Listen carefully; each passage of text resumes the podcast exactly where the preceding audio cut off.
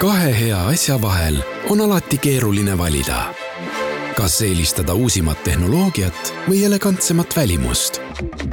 uue Toyota Camry täishübriidelektriautoga on valik lihtne. See on lipulaeva elegants, mugavus ja turvalisus. uus Camry Hybrid koos viimase põlvkonna Toyota Safety Sense ohutuspaketiga. Camry Executive on nüüd eriti hea tutvumispakkumisega. vaata lisa toyota.ee. kuku raadios välja öeldud seisukohad ei pea ühtima Kuku raadio seisukohtadega. Te kuulate Kuku raadiot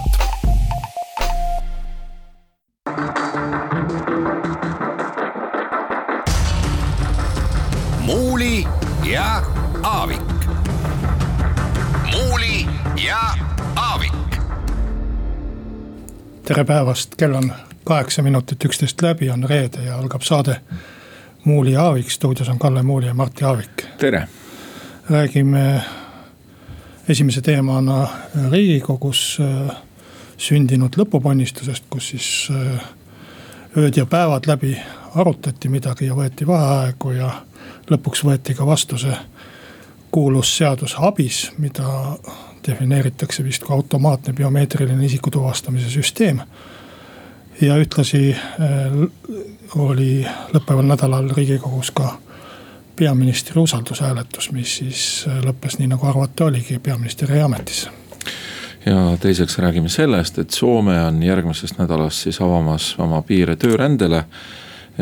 vaktsineerimise tempo on, ei ole rahuldav ja lisaks on valitsus otsustanud ka üheksasada tuhat AstraZeneca vaktsiinidoosi kinkida vaesematele riikidele kolmandaks räägime üle pika aja reitingutest, neid on küll igasuguseid erinevalt firmadelt erinevaid numbreid, aga aga võib-olla, et kõige tähelepanuväärsem tendents on see või tulemus on see, et, et juunis tundub olevat äh, EKRE ja Reformierakonna reiting peaaegu et võrdsustunud, no numbrite poolest äh, Reformierakond on veel protsendi või paari võrra äh, toetuselt ees, aga EKRE on jõudsalt lähenenud.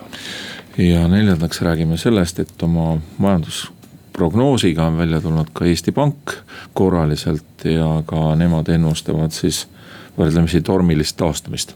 ja lõpetuseks ühest kummalise võitu ettepanekust, nimelt üks EKRE liige, Paul Puustusmaa on teinud. riigikogu liige on tulnud välja ettepanekuga kuulutada või teha erakondade nimekirjad äh, salajaseks, et äh, erakondade liikmeid siis ei ahistataks. Äh, seetõttu, et nad on ühe või teise poliitilise vaatega või kuuluvad mingisse ühingusse. muuli ja Aavik. no riigikogu kevadistungjärgu lõpp oli nii pikk ja tuline, et ei teagi, millest alustada ja millega lõpetada võib-olla, et siis äh, sellest äh, seadusest ikkagi, mis lõpuks sai seaduseks ja, ja mille pärast äh, läks lahti ka väga suur obstruktsioon EKRE eestvedamisel või EKRE läbiviimisel. see on siis ABIS. nüüd on ta vastu võetud andmekoguna ju igati mõistlik, aga seal üks selline juriidiline nüanss on, mis tegelikult noh jäi ju läbi rääkimata, kuna ainult vaheaegade võtmisest ja üksteise nöökimisest see äh, arutelu koosnes, eelnõule väga palju tähelepanu ei saadud pühendada. et äh, seal on trikk selles, et kogutakse inimestelt andmeid erinevatel muudel põhjustel, aga, aga lõpuks kasutatakse või võib neid kasutada kriminaalmenetluses, kus on äh, ju põhimõte see, et inimene iseenda vastu ei pea tunnistama, inimene iseennast ei pea süüstama, inimene äh, võib kõikidest äh, noh, toimingutest põhimõtteliselt keelduda. aga nüüd on kuskilt kätte saadud tema andmed, kas siis mingisugused biomeetrilised või, või ka sõrmejäljed, mis siis, mis siis tulevad kasutusse kriminaalmenetluses, et põhimõtteliselt kui kui niisama inimeselt küsida, ta võiks alati keelduda neid andmeid andmast ja, ja, ja oma sõrmejälgi ja, ja, ja silmaiiriseid äh, mõõtmast. aga, aga sel kombel siis on tekitatud üks andmebaas, mida tahetakse kriminaalmenetluses kasutada, et seal on see see konks ja, ja mina arvan küll, et põhimõtteliselt, kui see asi läheks kohtusse või riigikohtusse, siis võib sealt tulla probleem, öeldakse, et nii ei tohi neid andmeid mm -hmm. koguda. et no lühikommentaariks lihtsalt selle juurde, et me ju tahame ka seda, et meie kuriteod oleksid uuritud, kui kellelgi midagi ära varastatakse, siis varas saadaks kätte ja. ja, ja õiglus seatakse jalule ja ei ole ju eh, praegu välja mõeldud seda sõrmejälgede kasutamist, et, et on ikkagi ühiskonnad ja Eesti sealhulgas varsti juba üle sajandi, eks ole, kasutanud neid tehnoloogiaid nagu olemuslikult. aga ma arvan, poliitiline pool selle juures on see, et normaalne oleks, et sellised kohad arutatakse läbi riigikogu komisjonides rahulikult aga tundub, et seda rahulikku arutelu ei ole. ja seda on ka raske tekitada, kui need noh, nagu ettepanekud, mis siis tulevad kompromissiks ühelt erakonnalt, kes, kellele seadus ei meeldi, on sellisel nagu majanduskooli põhimõtteliselt sekretäri tasemel koostatud, et et, et etteheidete vorm on kuidagi naeruväärne ja ei võeta tõsiselt, aga tegelikult võib ju sealt niimoodi, ütleme, see ei ole normaalne viis sõeluda välja ühiskonna jaoks kõige paremaid lahendusi, et, et äh, ma arvan, et me peaksime pöialt pidama, et järgmine riigikogu tuleb selline, kus polariseeritust on selles halvas mõttes on vähem ja läbirääkimisi rohkem. jah, et äh, sisuni, sisuni ei jõutagi, ega siis, kui sa vaatad neid eelmisi obstruktsioone ju kus esitati ettepanekuid, kas e-, Eesti peab lahkuma NATO-st ja, ja, ja liituma Venemaaga ja muud äh, lollust, mida tehti. et, äh, et selliste ettepanekute või sellise arutelu tasemega ju ei, ei jõua kindlasti seda arutada, et noh, pall on presidendi käes. Võib ju mõelda nii või naa, aga, aga mulle tundub küll, et mingis punktis, ma ei, ma ei tea, kas nüüd presidendi käest või kuskilt ta, ta tuleb ikkagi tagasi, et, et see koht äh, tuleb ikkagi sellest abisest äh, läbi arutada. Et riigikogu ei saa lihtsalt töötada nii, et, et kui mul on opositsioon ja mul on seal viiskümmend viis häält siis me sõidamegi teerulliga, me ei vaata, mis seal mhm. on ja õnneks on Eesti äh, siiski õigusriik niiviisi üles ehitatud, et. Need tasakaalustavad jõud ja mehhanismid on olemas ka siis, ütleme, kui opositsiooni obstruktsioon ei aita.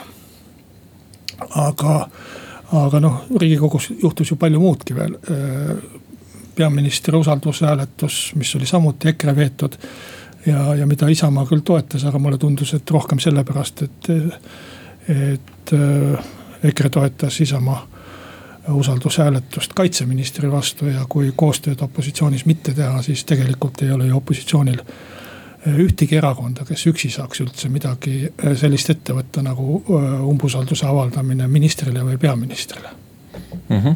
no ma arvan, et siin see selle nädala järjekordne suur ja ebameeldiv probleem on ikkagi selline inimese ründamine probleemide asemel ja sõim ja labasus, eh, mis sealt riigikogust eh, vastu vaatas. ja midagi ei ole teha, et, et eks see jälle see EKRE saadikud olid, kes seal kum-, kummalisel moel käitusid ja kuulasin eile opositsioonitundi ühest meiega konkureerivast raadiojaamast. ja sealt jäi meelde, mis rääkis Mihhail Lotman ja ta ütles nii, et teda on kodus isa kasvatanud eh, moel, et ära kunagi unusta rüütellikkust. ja mina mõtlen täpselt samamoodi, et, eh, et eh, noh, selge, et poliitikas on teravust ja kõike muud, aga kusagil on nagu hea maitse piir ja see hea maitse piir on nagu radikaalselt ületatud, et. et no mis koostööst või, või asjast me siin nii väga räägime, kui, kui peaministrit kõlbab saadikute meelest, eks ole, isiklikult mõnitada ja suhteliselt labaselt, et oleks siis veel mingi, mingisugune nali sealjuures, aga no ei ole ju, et, et see on selline. peaaegu, et osade tegelaste puhul sihuke poetagune huumor, mis sinna tuli noh, ma olen Mihhail Lotmaniga äh, sada protsenti nõus ja, ja minu stiil see kindlasti ei, ei ole, et kedagi üldse isiklikult rünnata, rääkimata siis mingite solvangutega, et kui räägime siis ikka asjast, mitte isikust, aga. aga samas ma äh, ei jaga küll seda äh, noh, sellist meedia ohkimist, oi küll, nüüd on, ma ei tea äh, poliitiline kultuur jälle jõudnud, ma ei tea, mingile järjekordsele madaltasemele või, või mis nüüd kõik on. parlamendis otsustav, otsustav valija ja seal on tehtud igasuguseid asju. las ma teen natukene meediakriitikat ka. ma, ma ei hakka siin üles lugema kõike, mida Jürgen Ligi on öelnud, et see on nii tüütu, aga, aga. Eesti parlamendis on ka käsitsi kokku mindud ja, ja sellest hoolimata on poliitiline kultuur taastunud või, või edasi läinud. edasi läinud, et elu ei lõppe sellega otsa. las ma teen natukene ka meediakriitikat, et mina olen näinud, et äh, läbi aastate siin vaadanud, et äh, nagu laiemas mõttes ajakirjanduses on meil mõned kolleegid, kelle, eh, kelle ülesanne või enese defineerimine seisnebki selles, et kui kuskil nurga taga keegi teeb midagi inetut ütleb midagi inetut või käitub kuidagi labasel moel, siis nemad näevad oma ülesannet selles, et kui keegi muidu tähele ei pannud, siis äh, jooksevad kohale ja ütlevad, tulge vaadake, tulge vaadake, tulge kuulake. niimoodi ei tohi ju teha. ehk siin on nagu selline piir ka minu meelest selles mõttes, et, et labaseid inimesi on. Äh, selge, et kui see toimub riigikogu saalis, sellest tuleb rääkida, aga no me ei pea ju ise olema sellel kõige labasemal tasemel ja veel võimendama seda labasust kogu aeg, et äh, jah. Äh, nojah, teemegi siis siin pausi ja, ja kuulame reklaami ja jätkame pärast seda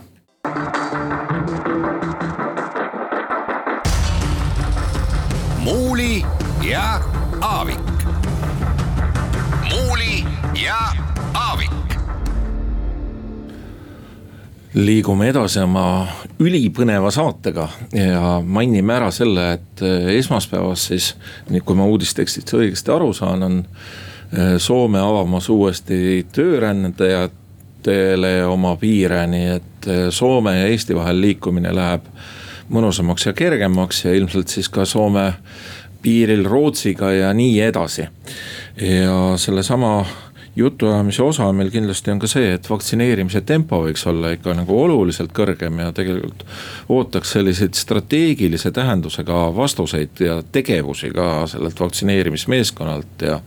ja kellelt veel ja noh, muidugi eh, AstraZeneca vaktsiine ollakse siin ka ära kinkimas noh, see Soome uudis on küll nii, nagu oleks Urho Kaleva Kekkonen Eestis käinud ja Vanemuise käima pannud äh, esimest korda Eesti ja Soome vahel, et.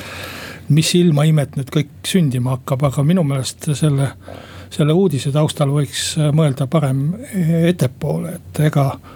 see on nüüd äh, Soome valitsuse selline tore otsus, mis on tulnud kaks kuud hiljem, kui vaja on, aga aga ega siis midagi põhimõttelist muutunud ju ei ole Euroopa Liidus et äh, tuleb sügis, tõuseb see nakatumisprotsent natukene. Äh, paar inimest äh, rohkem sureb koroonasse, millest on äärmiselt kahju ja, ja, ja kõik läheb jälle vana rada, sellepärast et Euroopa Liit suudab küll igasuguseid direktiive saata. üks hullem kui teine, aga seda, et oleks tagatud aluslepingute täitmine või, või riikidevaheline ühtne mingisugune piiriületus et seda ju ei ole ikkagi suudetud korda sättida ja, ja, ja iga riik teeb täpselt seda, mida ta tahab, Ungari käitub ühtemoodi, Soome teistmoodi. ja, ja mingit sellist Euroopa Liidu äh, ühtset poliitikat äh, asjas, mis on Euroopa üks aluspõhimõte inimeste vaba liikumine. ja, mille pärast üldse võib-olla see Euroopa Liit on, kui, kui nüüd äh, rahu ja, ja, ja sõjaküsimused kõrvale jätta et äh, seda ju ikkagi ei ole tagatud ja, ja lihtsalt me no, peame olema et, armulised äh, Sannale, et ta nii hästi käitus. et lood-, loodame, et sügise poole need tõendid ja asjad siiski hakkavad tööle, aga seda ma võin küll ka omast kogemusest öelda, et. et kui siin issand jumal ja tööandja natukene puhkust annavad, siis oli selline plaan meil, et sõita omal käel ringi ja isegi selles planeerimise või nagu hakkad vaatama, et kuidas ja kus siis mingid reeglid on, et see on ikka väga suur keeruline otsimine.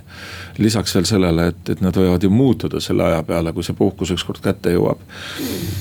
aga ma mõtlen, et äh, suurem probleem on see, et äh, et mina küll ei saa, olen siin kuulanud ja käinud mingisugustel üritustel, kus veel põhjalikumalt räägitakse, ma küll ei ole kindel, et.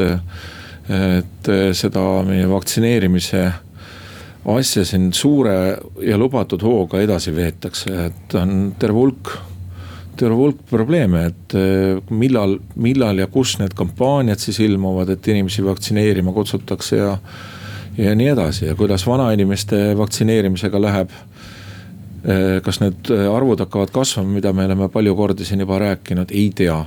noh, lootus on see, et kooliõpilasi saab siis vaktsineerima hakata seal poolest augustist ja, ja kooli alguses, et ei peaks koole kinni panema, aga no äh, vaktsineerimine sõltub eelkõige ju sellest, kas inimene tahab vaktsineerida või mitte. ja ma arvan, et kuskil viiekümne protsendi juures, äärmisel juhul kuuekümne protsendi juures on, on Eestis väga tõsine piir Äh, ees, kus, äh, kus ongi otsas need inimesed, kes hirmsasti tahaksid ennast vaktsineerida, hirmsasti tervised olla.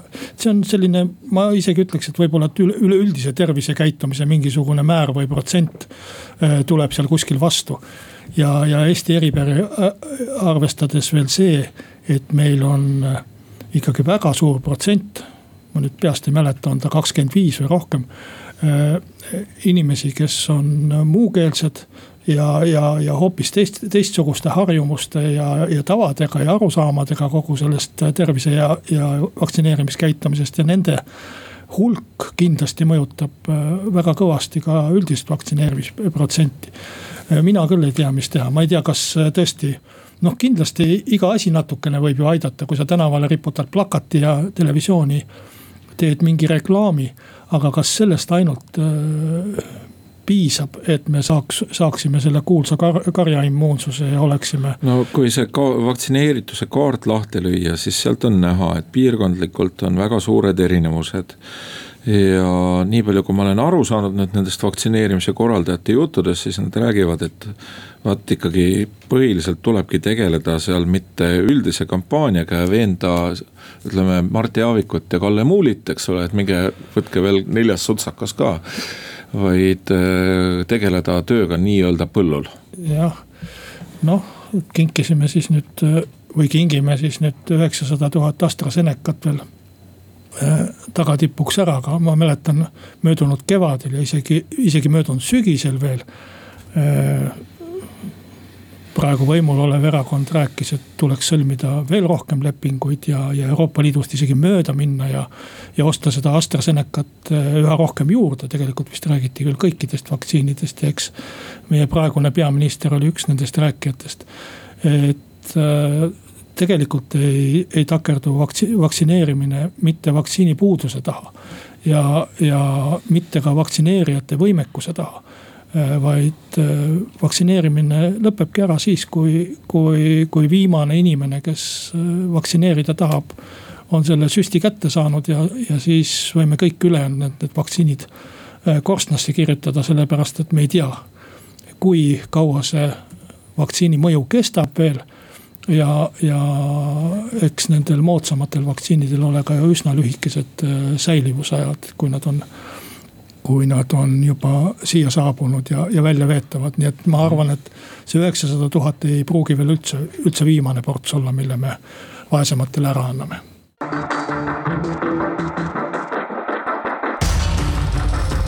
muuli ja Aavik. muuli ja Aavik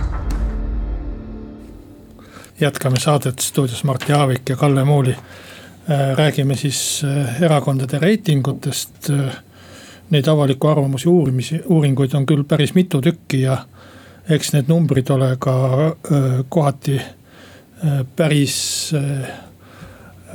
erinevad. võikski küsida, et kuidas see nii juhtub, aga, aga nii, et kui, kui me nimetame siin mingeid numbreid, siis ilmselt peaksime ka juurde nimetama uuringufirma sest muidu võib tunduda, et äh, valetame, aga, aga näiteks turu-uuringute järgi on siis need äh, erakondade toetused äh, juunis sellised, Reformierakond kakskümmend neli, EKRE kakskümmend kolm, Keskerakond üheksateist, Eesti kakssada kolmteist. Eesti kakssada ja kolmteist on siis toetusprotsent, sotsiaaldemokraadid üheksa, Isamaa seitse. et noh, kõik muu on, on nagu on ja, ja väga suurt jutuainet pole, aga välja arvatud siis Reformierakonna märkimisväärne langus ja EKRE veelgi märkimisväärne tõus kahekümne kolme protsendi peale, no ma mäletan, et kaks tuhat üheksateist valimiste aegu oli see üheksateist protsenti ja, ja viimased kaks aastat siis või, või ligi kaks aastat, kui EKRE valitsuses oli, ta langes isegi seal neljateist, viieteist peale, nüüd on siis ligi kümne protsendipunkti või protsendi võrra tõusnud. et minu meelest on see väga oluline, oluline muutus, eriti kui pidada silmas, et Kaja Kallas just jõudis BBC-le ütelda ühes intervjuus, mis muidugi Eestis ei ole väga vaadatav kanal.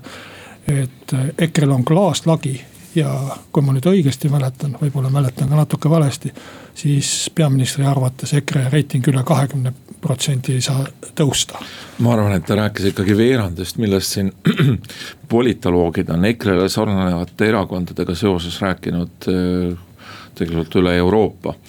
aga ütleks siis mina siit, mis ma vaatan ühiskonnauuringute instituudi reitingutest, mis on siis Norstati uurimise firmalt tellitud ja, ja kus keskmistatakse viimase nelja nädala uuringuid.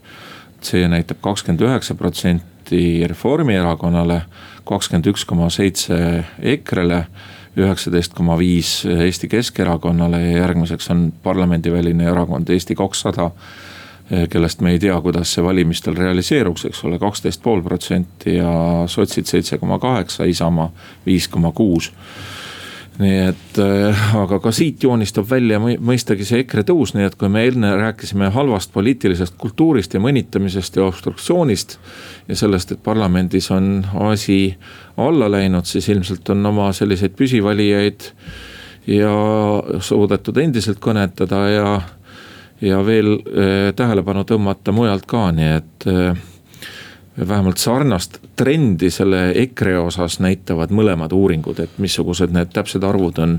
mina usaldaks rohkem seda kesk-, nelja nädala keskmistatut, kus on siis valim suurem, eks.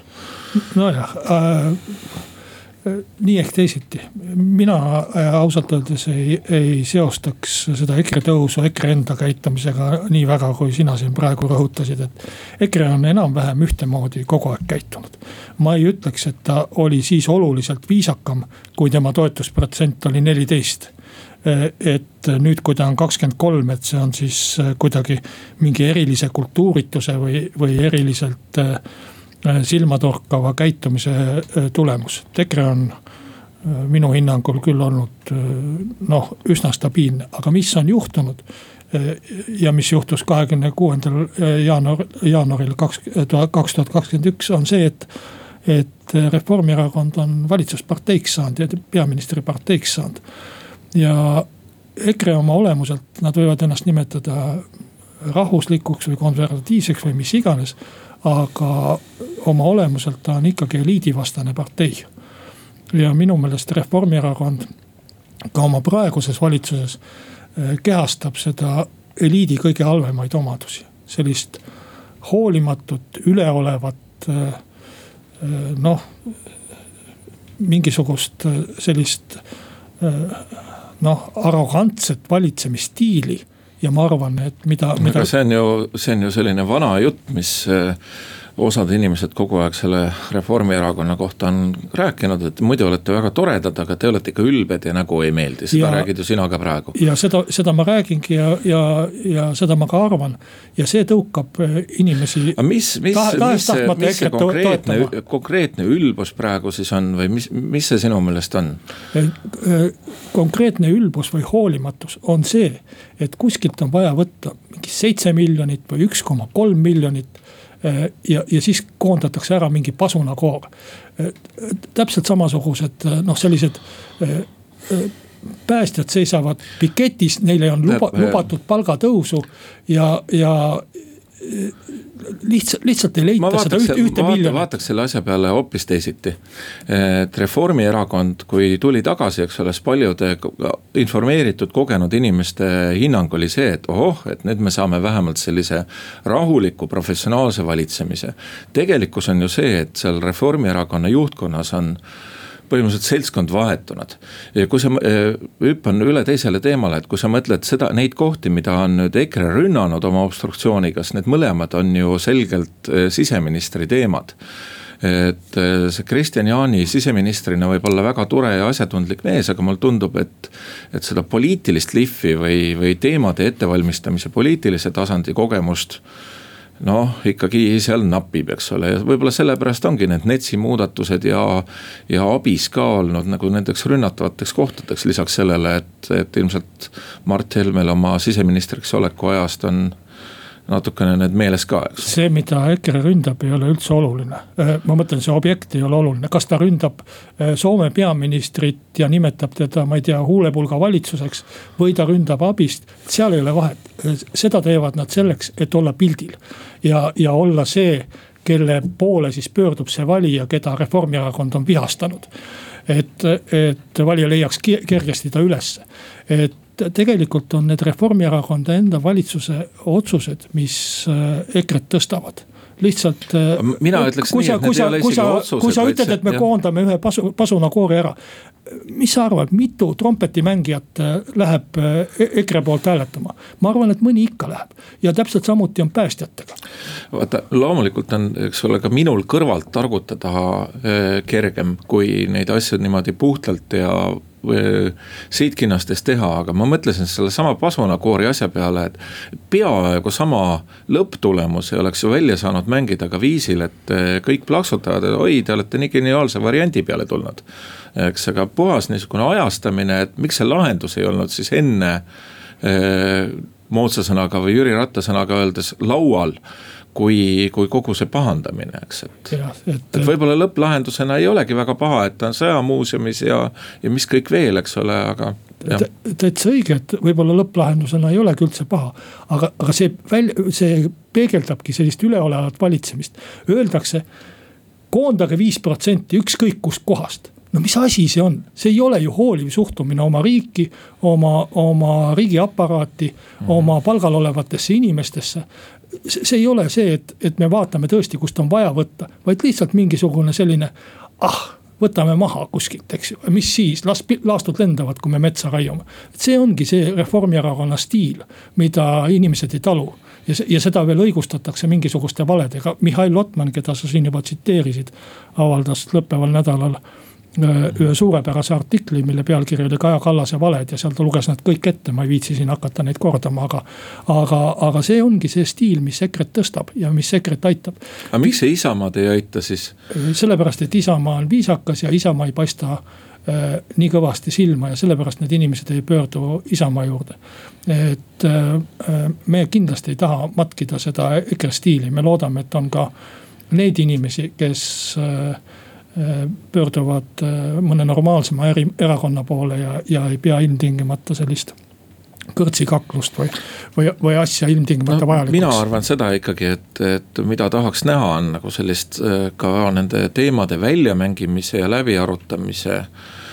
Äh, noh, ma ei tea, suuremat professionaalsust, eks ole, et võib-olla see mõte mõne koha peal ei olegi vale, eks ole, millest on siin üles keerutatud suur pahandus, aga aga kuidagi nurgad ka saaks niimoodi, et, et ei ole tüli või vähemalt ei ole seda tüliainet ja kõik on ühiskonnale ära seletatud.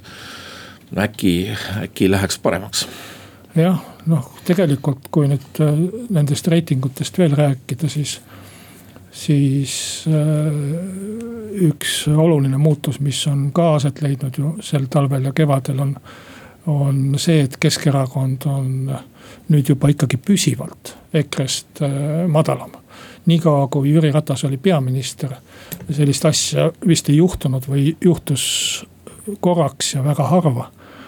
aga äh, ma arvan, et see muutus, mis on toimunud ka EKRE ja Keskerakonna jõuvahekordades.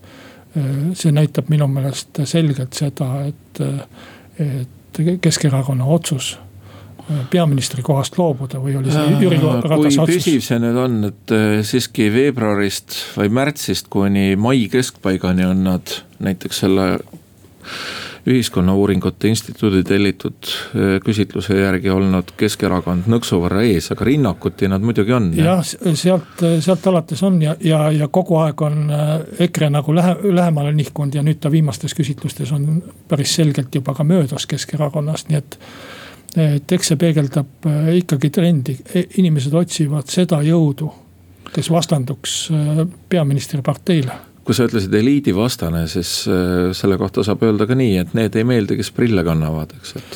noh, äh, see, see ei lohuta meid ja see, see ei tee äh, ka midagi paremaks, me võime seda nimetada ükskõik kuidas, me võime ilkuda selle hoiaku üle, me võime seda mõista püüda, ükskõik. Aga demokraatias otsustavad valijad ja igal valijal on üks hääl, kas tal on prillid või tal ei ole prille ja, ja nii see on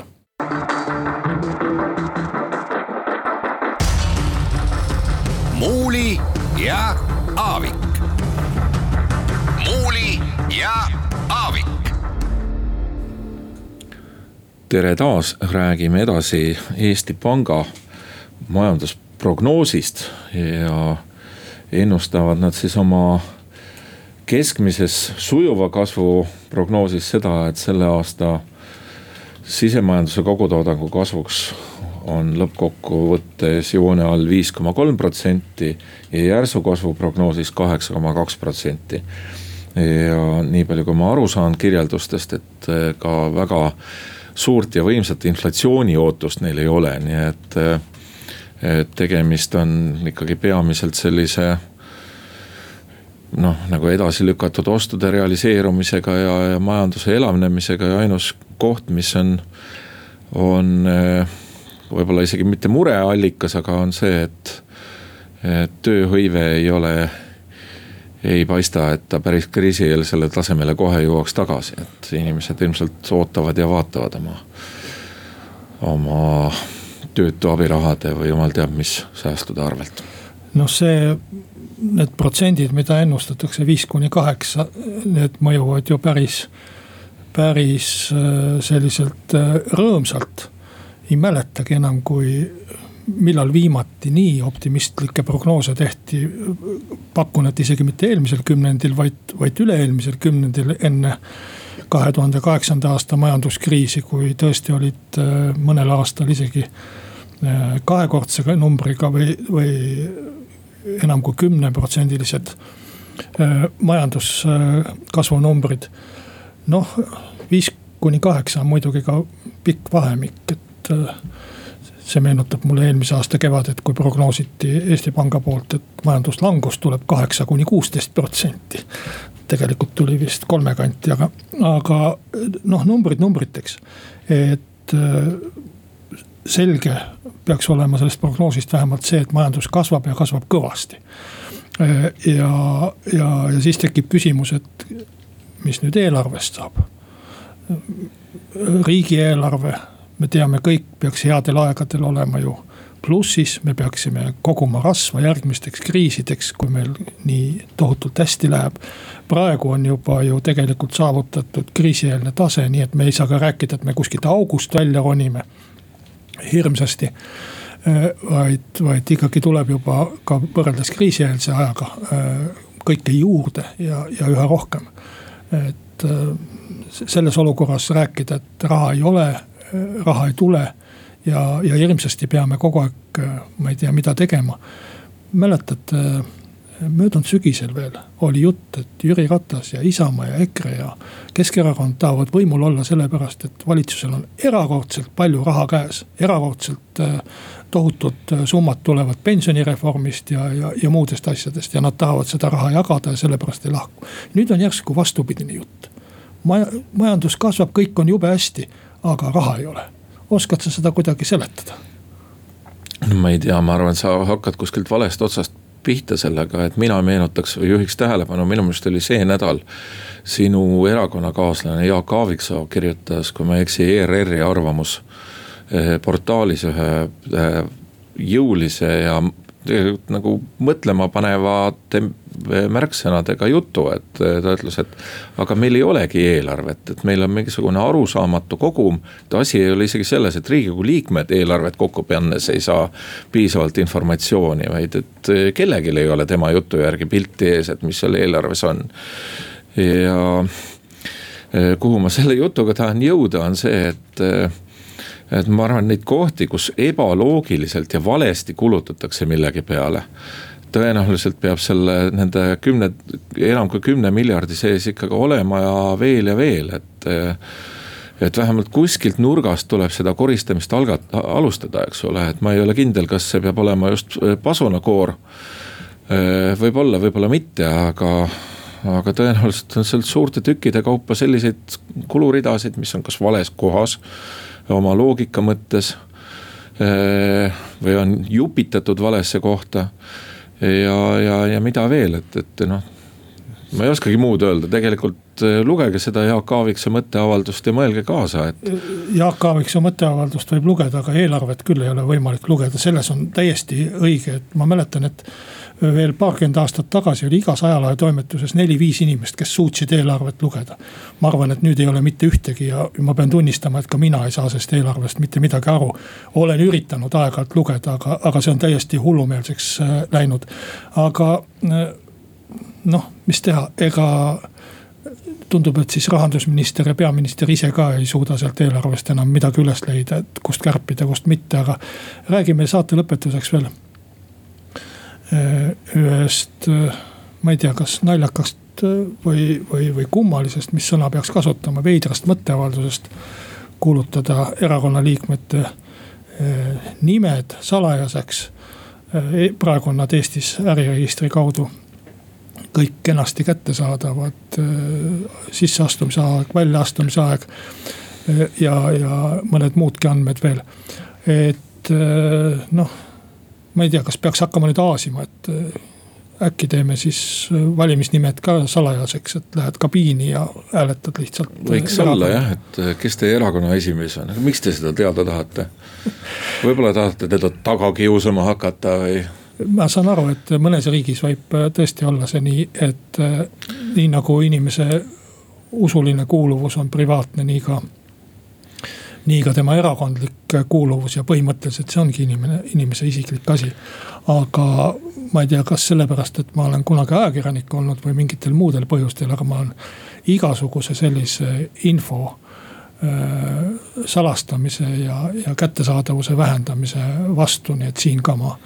üks, ju... ükskõik mis isikuandmete või, või, või delikaatsuse või, või isikupuutumatusega seda õigustatakse. see on ju avalik tegevus, erakonda kuulumine on äh, selgelt ju avalik tegevus, kus inimene tahab ühiskonna asjades kaasa lüüa.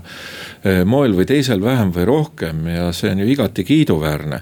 et ma saan aru küll, aga minu meelest ma olen juttudest kuulnud, et vist ühe praeguse EKRE-ga kuidagimoodi otsapidi seotud varasema erakonna eh, komme oli see, et kui tuli mõni maavanem, siis küsiti, et aga eh, mis erakonda sa kuulud ja kui, kui erakond oli vale, mitte see ainus õige, siis öeldi head aega.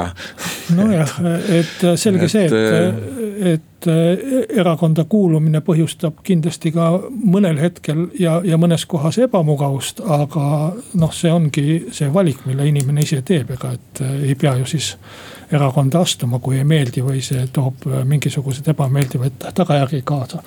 Aga sellega on meie saade tänaseks lõppenud, järgmisel reedel jälle.